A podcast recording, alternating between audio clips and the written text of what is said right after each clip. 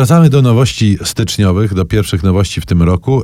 E, Tomku, zapowiedziałeś Meksyka. Widzę, że książka katalońska leży przed tobą, więc wytłumacz się, bo to znowu jakieś twoje dziwne zawiłości. No tak, już się tłumaczę. Książka nazywa się Kronika Ukrytej Prawdy i autorem jest Pere Calders, y, pisarz kataloński, ale sporą część życia spędził w Meksyku. Stąd ten meksykański akcencik, żeśmy tutaj sobie pozwolili zamieścić. Pere Calders to jest znowu tak jak Aczaga, zasypanie wielkiej y, białej plamy y, nieobecności w przekładach polskich literatury z Półwyspu Iberyjskiego. Calders jest klasykiem XX wieku literatury katalońskiej, autorem przede wszystkim znanym jako twórca opowiadań. Gdybyśmy go mieli w, w skrócie scharakteryzować, to bym powiedział, że on jest pewnego rodzaju taki takim właśnie katalońskim mrożkiem. Mrożkiem, ale tym nie śmiesznym, tylko tym e, absurdalnie, groteskowo-satyrycznym. Czyli raczej przy Kaldersie nie chichramy się, tylko zastanawiamy się nad pewną absurdalnością, groteskowością świata. Tom Kronika Ukrytej Prawdy to jest najsłynniejszy e, tomik z jego dorobku, zawiera kilkadziesiąt opowiadań to są historie, które w streszczeniu brzmieć będą dziwnie. A to grupa lokatorów z wyższego piętra walczy z lokatorami z niższego piętra, a to bogacz w swoim ogrodzie znajduje czyjąś zagubioną rękę, a to pan wraca do domu, okazuje się, że w tym domu mieszka zupełnie kto inny, nie wiadomo co się stało z tymi, którzy mieszkali z nim wcześniej.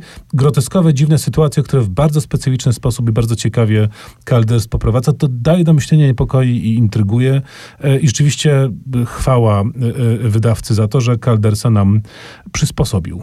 Podobną dziurą i podobnym zaniechaniem jest kolejna książka i to jest jak gdyby podwójne zaniechanie. Po pierwsze, nieobecna ciągle, albo obecna w sposób niewystarczający, niesatysfakcjonujący, za mały jest literatura litewska no w Polsce. mamy to Litwo, ojczyzna moja, to, to się nie liczy? No to się liczy oczywiście, tylko to już ma e, ładnych parę e, no, lat, a mi chodzi o współczesną produkcję literacką. Tak głupio troczy, przepraszam. Rzeczywiście mało tego jest. Mm, a książka, która e, leży przede mną, to książka, która traktuje o Holokauście na Litwie i, co tu dużo mówić, o udziale Litwinów, tych zwykłych, normalnych Litwinów w mm, zagładzie Żydów tamże. Wojna opisywana przez Sigitasa Parulskisa zaczyna się w 1941 roku, a więc od momentu, gdy pojawiają się na Litwie Niemcy, Sowieci są już wypędzeni. Książka nosi tytuł Ciemność i partnerzy i tych partnerów jest tu rzeczywiście sporo, bardzo oni są różnorodni, natomiast głównym bohaterem jest młody chłopak, który tak naprawdę wchodzi w dorosłość w tym e, potwornym i okrutnym e, czasie, który jest typem wrażliwca, fotografa i pewien niemiecki funkcjonariusz e, przekonał, przekonuje go, choć to jest takie nierówne przekonywanie do tego, że ma robić również, ma również dokumentować zagładę właśnie. Tam jest oczywiście e, to, co w życiu młodego człowieka pojawić się powinno, a więc wątek romansowy z mm, Judytą, która jest Żydówką, żeby sprawy dalej e, skomplikować i głównego bohatera rozważania na tematy najróżniejsze, w tym te etyczne czy religijne wręcz. Bardzo jest to ciekawa książka, ciekawie też skomponowana i i cieszy, że mamy w rękach w końcu jakąś współczesną prozę z Litwy. Sigitas Parulski spisze o Holokauście na Litwie, a tymczasem ukazała się kolejna interesująca książka polska poświęcona temu tematowi. Mirosław Tryczyk i jego Drzazga Kłamstwa silniejsze niż śmierć.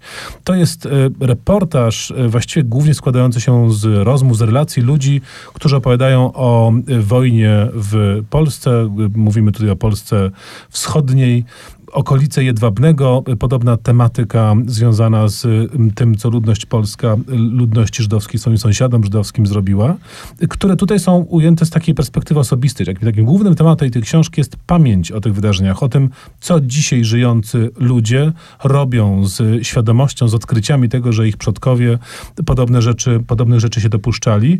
Mocna y, rzecz y, i myślę, że bardzo ważna. No tak, ponad wszelką wątpliwość jednym sposobem na radzenie sobie z tym tematem jest e, o nim pisanie i o nim czytanie. Więc do tego e, niezmiennie Państwa namawiamy, a muzycznie, chcąc nie chcąc, pozostajemy w drugowojennych e, klimatach. Muzyka z pianisty Romana Polańskiego.